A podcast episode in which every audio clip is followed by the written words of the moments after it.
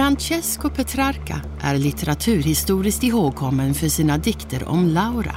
Men han var först och främst samlare och utgivare av antik litteratur, resenär och lärd författare av på latin skrivna verk som kunde heta Om livet i ensamhet, Om världsföraktet eller Om ryktbara män.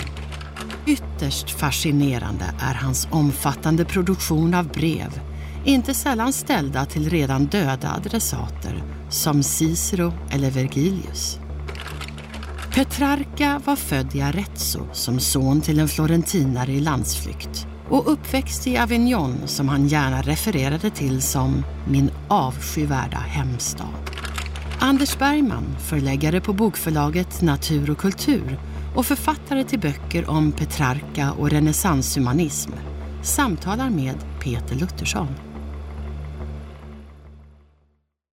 Wilhelm Ekelund gav ut eh, ett antal brev av Petrarca i början av 1900-talet och då skrev han ett förord till dem där han kopplar ihop eh, Petrarca med ehm, Schopenhauer. Och så kallar han eh, det som Petrarca har blivit mest känd för, nämligen alla dikterna, kärleksdikterna till Laura, för Laura-fadäsen. Att människor tror att han var sentimental och sådär. Men i själva verket var han ju en starkt kristen man och asketisk. Den här oerhört låga uppfattningen om Petrarca som Ekelöv har, att, äh, Ekelund har, att äh, dikterna skulle stå i vägen för ett väsentligt författarskap. Är det någonting som väcker anklang hos dig? Ja, det skulle väcka anklang redan hos Petrarca själv. Absolut. Det är ju onekligen en ödets ironi att han har blivit berömd för någonting som han själv helst hade velat kasta på elden. Och det hade han gjort om det inte vore för att han publicerade sig i tider före boktryckarkonstens inträde. Eh, han ägde inte de här texterna längre så att säga. De hade spritts för vinden. De är inte längre mina, sa han. Hade jag kunnat stoppa dem nu så hade jag gjort det. Men nu tillhör de inte längre mig. De tillhör pöbeln som han kallade folket för, som han inte ville skriva för. Han var, Petrarca var en lärd man, en stor boksamlare. Att samla böcker betyder ju då att samla på handskrifter, manuskript. Hur stort bibliotek kan en boksamlare, vi befinner oss ska vi säga på 1300-talet, eh, i den, vid den tiden ha? Mm. Ja, det var ett gigantiskt bibliotek för sin tid och definitivt det största privatbiblioteket. Men eh, moderna uppskattningar säger att ja, men sådär 200 volymer eller något mer. Och varje volym kunde innehålla flera böcker? Böcker visserligen, men det är ju ändå inte så mycket mer än en billig bokhylla eller så. Nej. Men detta det präglar också ska säga, hur det var att bli intellektuell. För att man skapar ett umgänge kring manuskripten eller kring böckerna. Därför att det är en sån sällsynthet så måste man identifiera andra som kan eh, låna ut eller skänka en eller som man kan byta med. Det blir ju artefakter som ett visst slags kotteri kommer att dyrka. Och många av eh, Petrarkas eh, vänner är ju bokvänner. Man lånar av varandra. Eh, man kommenterar i samma avskrifter. Man anställer kopister som är mer eller mindre kunniga i sitt yrke. I hans brev finns ju ständiga klagomål på de här som kopierar. Att de hoppar över och missförstår och blandar ihop och det blir fel. Ja, det är några av historiens största skurkar enligt honom. Tänk ifall det hade varit professionella, duktiga, kunniga, insatta kopister redan från det att skrivkonsten uppfanns, drömmer Petrarca. Då hade vi haft en andra sorts bibliotek än mina 200 volymer. Men det gör att han själv också griper sig an att eh, kopiera eh, vad det nu är, någonting av Cicero och så. Ja, han reser land och rike runt och han skriver det att så fort mina ögon fäste sig på något kloster eller annat i horisonten så frågade jag mig genast, finns det något där rimligtvis som jag vill ha? Och svaret var ju oftast ja, så han begav sig dit. Han... Men det, det, var samlandet, då köpte han Nej, han skrev av. Han skrev av också. Oftast med hjälp av en eh, vän som man, de skrev, eh, gjorde två kopior samtidigt. Mm. Och de lät han cirkulera bland sina vänner och på det viset så var det många böcker, till exempel Cicero, Tibullus, Catullus och andra som... Och han gjorde utgåvor av Livius till exempel. Just det, den första samlade eh, utgåvan av de eh, böcker som fanns kvar av Livius på den tiden. Men, men han kommenterar också det där med att kopiera böcker. Att eh, man läser böcker väldigt noggrant när man kopierar dem och man fäster sig vid andra saker än eh, vad man gör om man bara strömmar igenom den.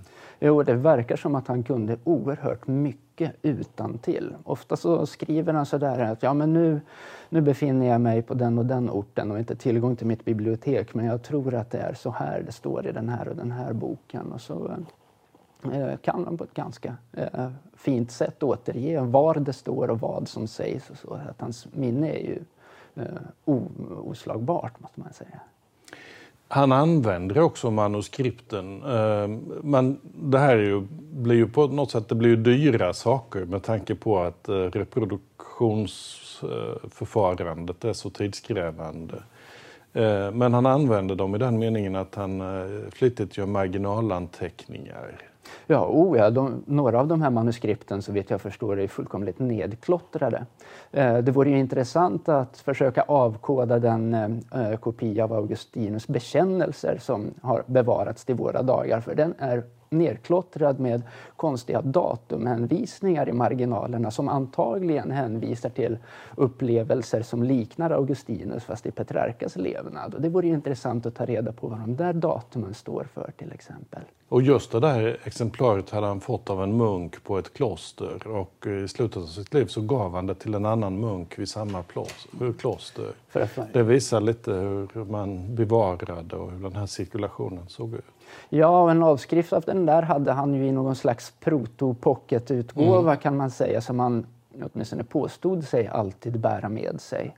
Och den förekommer ju, den är ju i princip en huvudperson i det som är hans mest berömda brev som han eh, skrivit i anslutning till en bestigning av berget Mont Ventoux. Då han slår upp eh, Augustinus bekännelser på När han kommer upp på toppen. Mm. Och den blev i princip oläslig mot slutet för den hade varit med honom till och med under vatten utanför Nice och sånt där berättar han. Eh, men, men det tyder ju också på vilken eh, vilket känslomässig relation man hade till en bok. Det var verkligen den här avskriften som gällde. Han berättar ju ofta om, om böcker i termer som Platon kom hem till mig istället för att en avskrift av Platon nådde mig därifrån eller därifrån. Om man återknyter till de där dikterna om Laura eh, så förekommer ju också den här informationen om när han första gången såg Laura just i en marginalanteckning i hans exemplar av Vergilius. Att han ser henne i en kyrka 1327. Mm. Mm. Var Laura en autentisk person? Ja, man vet ju i princip ingenting om henne. Jag tror att hon nämns vid namn tre gånger eller så i hans skrifter. Ehm, man vet kort sagt inte alls vem det här kan ha varit, om en sån person har funnits överhuvudtaget. Ehm, redan eh, en av Petrarcas närmsta vänner, mecenaten Giovanni Colonna, skrev ett brev till Petrarca på ett tidigt stadium och sa att ja, men den här Laura, hon finns väl inte, det är väl bara en projektion av dina egna drömmar som författare. Och man har ju då velat visa att namnet Laura anspelar då på Lauro som då är italienska för lagerträdet. Och lagern är ju diktarnas symbol. Han lagerkröntes ju på Kapitolium också senare. Eh, och det är många som har eh, tänkt att ja, men om inte ens den här Giovanni Colonna kände till någonting om den här kvinnan så kanske hon inte har funnits utan det är som han sa en projicering. Och det är mycket möjligt. Samtidigt så har ju Petrarca med vad som verkar vara en genuin saknad också noterat i den här Vergilius-utgåvan att Laura dog då och då, där och 1348 där. 1348 i pesten. Mm, just ja. i digerdöden. Ja. Och, och, då undrar man ju förstås om hon inte har levat ändå. Och vad en sån eh, Petrarca-auktoritet som Hugo Dotti hävdar är väl att jo, det har nog funnits en Laura, men som sen försvann för den här Laura-symbolen snarare med tiden. Hur förhåller sig Laura till eh, Dantes Beatrice? Eh, alltså båda är ju inspirerade av eh, Arnaud Daniel, alltså den person som för, förekommer som Il Miglior Fabbro i Gudomliga komedin. Mm. Och som också nämns av Petrarca som en av mm. de stora pionjärerna på kärleksdiktningen. Att, att Beatrice har funnits, det vet man ju. Mm. Eh, Laura finns det ju inga som helst spår av. Jag menar mer hur de två framstår i verken. Mm. Eh, ja, vad jag är ute efter, jag behöver inte hålla på och fjanta mig på det sättet. Mm. Alltså det är, Beatrice är ju på något sätt ett helt andligt väsen trots att hon mm. existerar som pekar mot Gud och hjälper Dante på hans väg mot Gud. Mm. Medan Laura är också, låt oss säga, ett mer sinnligt väsen än vad... Eh, mer sinnligt mm. lockande i alla fall än vad ja. Beatrice blir för Dante. Laura beskrivs ju i detalj. Om man läser igenom alla de här dikterna så kan man ju eh, fastställa ett ganska eh, specifikt sorts utseende, sätt att röra sig, umgängeskretsar, vad hon tycker om och inte och så vidare. Så det, mm, visst är hon mer sinnlig. Samtidigt så är ju Laura för Petrarca en person som har gjort honom bättre. Som har fått honom att vilja höja sig över den här pöbeln som han avskyr. För han förstår att det finns en högre värden i livet och det är ju då den sorts himmelska eh, godhet och kärlek som han ser i den här Laura-personen. Hans, vad ska jag säga, hans dragning till antiken, den andra sidan av den, det är ju att det är en slags främlingskap i samtiden, en vantrivsel i nuet. Så jag vet att Birger Berg påstod, eh, latinprofessor i Lund, att eh, hela den här negativa föreställningen om medeltiden egentligen är en produkt av eh, Petrarcas eh, syn på sin samtid. Mm. Ja, han, han var ju oerhört bedrövad över hur framförallt lärdom och antik lärdom hade behandlats under de så kallade mörka århundraden som mm. stod mellan honom och antiken. Eh, och han såg ju heller inte egentligen någon sorts eh, förändring av sakernas tillstånd. På det viset är han ju inte en renässansmänniska utan han förutspår ju snarare eh, ytterligare förflackning av kunnandet och en dekadens överlag. Men han är ändå föregångsgestalten för det som kommer att bli renässanshumanism. Mm. Den viktigaste föregångsgestalten. Mm, av alla de konstiga epitet som har vidhäftat honom får man säga att humanismens fader är en av de mest korrekta. Och det bygger bland annat på att han har strukit under en formulering hos Cicero. Ja, han upptäckte på ett tidigt stadium en avskrift av det då glömda verket Proarchias. Det är ett tal av, som Cicero höll, till försvar av en eh, poet som hette Archias. Och i det talet så nämner Cicero för en av få gånger i, i, sitt författarskap och en av få gånger i de skrifter som överlevt från romersk antik överhuvudtaget uttrycket studia humanitatis. Petrarca själv använder ju inte det begreppet som någon slags paraply för de eh, intressen som han hade. Eh, han kallar det mest för nostra studia, alltså våra intressen eller mm. våra ämnen. Men eh, hans lärjunge Coluccio Salutati, han nappade på den kroken för han fick den avskrift som Boccaccio gjort av Petrarcas eh, Pro Arceas kopia. Och Boccaccio blev en god vän med, eh, med Petrarca just genom det här utbytet av manuskript och sådär. Just det. Eh, Å andra sidan så var det inte det som eh, var källan till deras vänskap utan det faktum att eh, Petrarca år 1350 skulle fira eh, det stora kyrkojubileet i Rom och eh, fick då eh, inbjudan av Giovanni Boccaccio att besöka honom i Florens på vägen. Mm. Och Florens var ju deras gemensamma hemstad men Petrarca gillade ju inte så mycket den här platsen som hade eh, försatt föräldrarna i exil, samtidigt med Dante för övrigt. Han, födde, han föddes i landsflykt, skriver mm. han ju. Mm. Men det tänkte jag att vi skulle eh, komma in på strax, mm. lite med Petrarca och det politiska. Mm. Men, eh, men jag är inte riktigt klar med Augustinus än, ännu, så att mm. Eh, vi fortsätter lite med Boccaccio om ja. du inte har något emot det. Ja, Boccaccio får man ju säga är en, äh, intar lärjungens roll. De är inte jämställda de här två personerna samtidigt som Petrarca har äh, äh, mer hyllande ord för Boccaccios författarskap än för nästan någon annan samtida person. Ähm, men Boccaccio är där för att lära av Petrarca. Det är ingen tvekan om hur rollerna står. Men den här vänskapen har ju Petrarca många... är också lite äldre, inte sådär jättemycket. Ja, vad blir det? 14 år, någonting sånt. Eh, men de dör ju i princip eh, samtidigt. Eh, Det är några månaders skillnad. Ja. Eh, Petrarca, Petrarca först. ja, 74 och Boccaccio 1375. Mm. Eh, Men det här har ju av somliga kommit att kallas för den viktigaste vänskapen i, i litteraturhistorien. I och med att då fick Petrarca sin allra första tillgivne lärjunge och en som också var kunnig nog själv att axla den lärdom eh, och den kulturposition som Petrarca eh, inmutat åt sig själv. Boccaccio ger, om man ser det där utbytet av manuskript, han ger eh, Petrarca till exempel ett eh, Augustinus kommentarer till Psaltaren, Mm. ett manuskript som, där jag noterar att, att Petrarca kallar Augustinus för en afrikansk man, vilket ju delvis stämmer, men det är klart att han var en romare, men eh, bosatt och född och uppvuxen och levande i Nordafrika. Mm. Mm. Augustinus, ja där på berget. Men det finns också en bok eh, som heter Min hemlighet.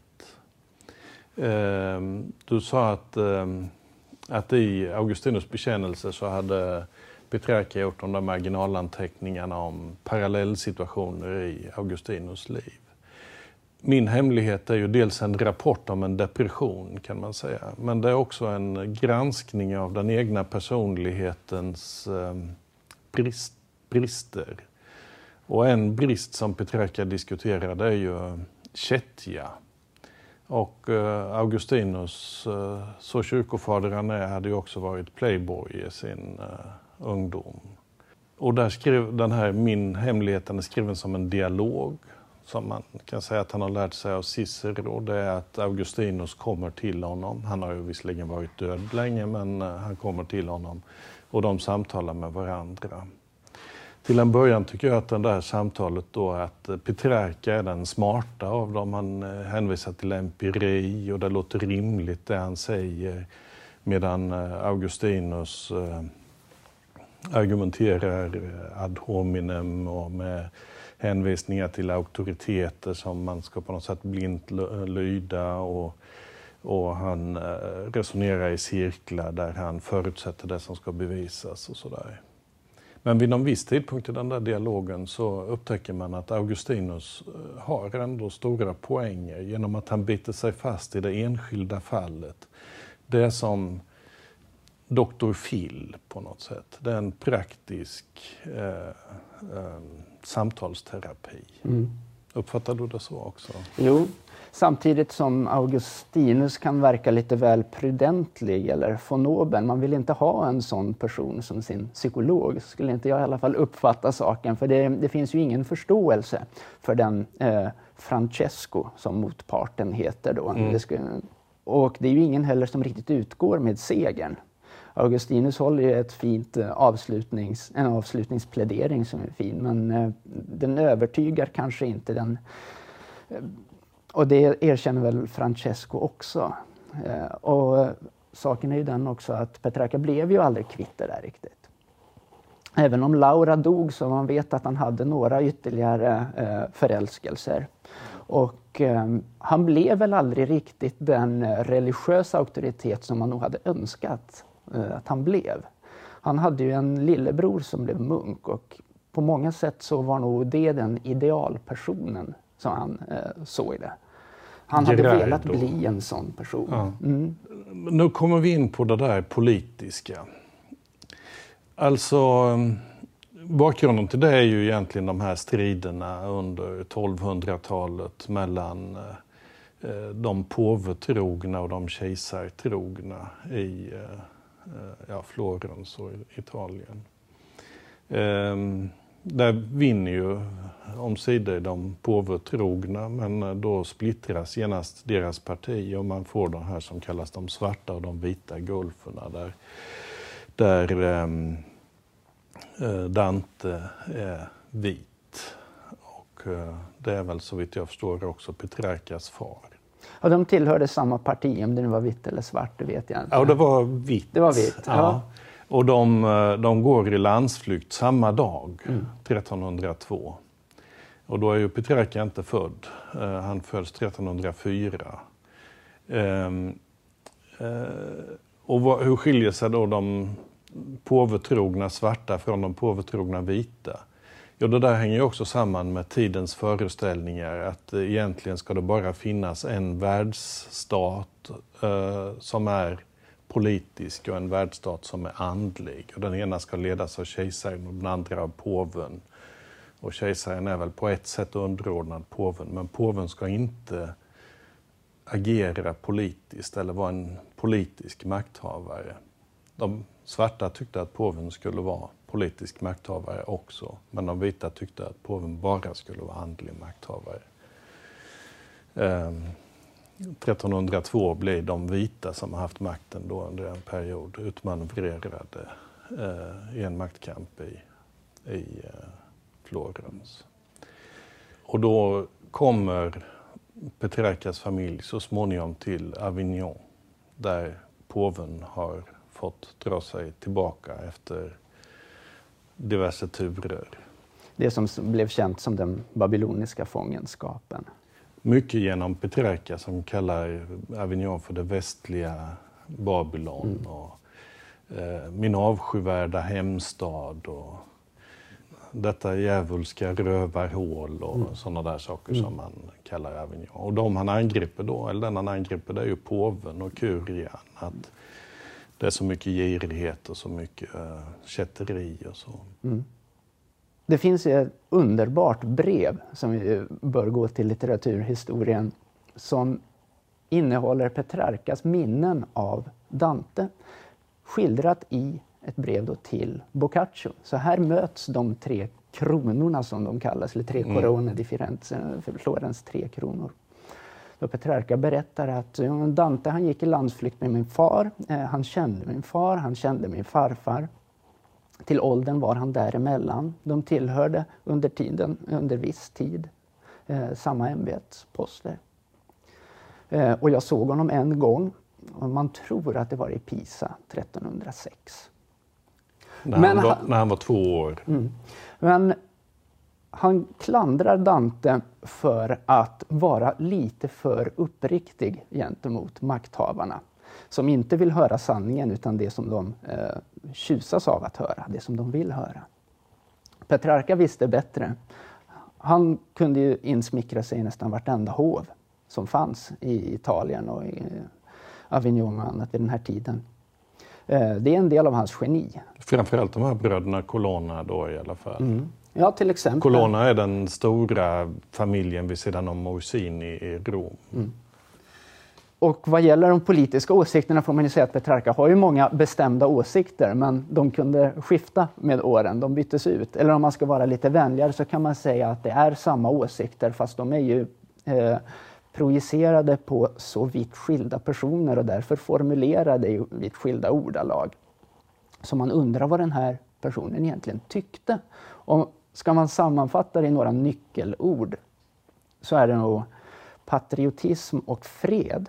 Mm. Och det här senare, fred är ganska intressant. Det är självklart för oss men 1300-talet eh, var krigiskt och det var våldsamt och det, ja, vi hade digerdöden och återkommande pester vid den tiden.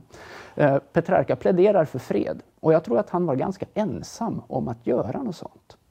Men han blir politiskt entusiastisk en gång och det är när Cola de Rienzo tar makten i Rom kollade igen så är en, eh, en kille från enkla förhållanden som eh, tar sig titeln tribun. Och där kommer patriotismen in i bilden. För att eh, Rom var vid den här tiden litet, det var farligt, det var lite adelsfamiljer som eh, bara utkämpade sina inbördes vendettor. Det är därför påven flydde därifrån bland annat. Eh, och Petrarca såg ju Rom som eh, städernas stad, världens drottning. Och han ville återställa den här pampen och ståten som från romarrikets dagar. Och eh, därför blev han så uppeldad av den här Kolarient så han tänkte nu äntligen så kommer det bli ordning och reda i Rom. Och därmed så skulle freden kunna återställas över hela Italien.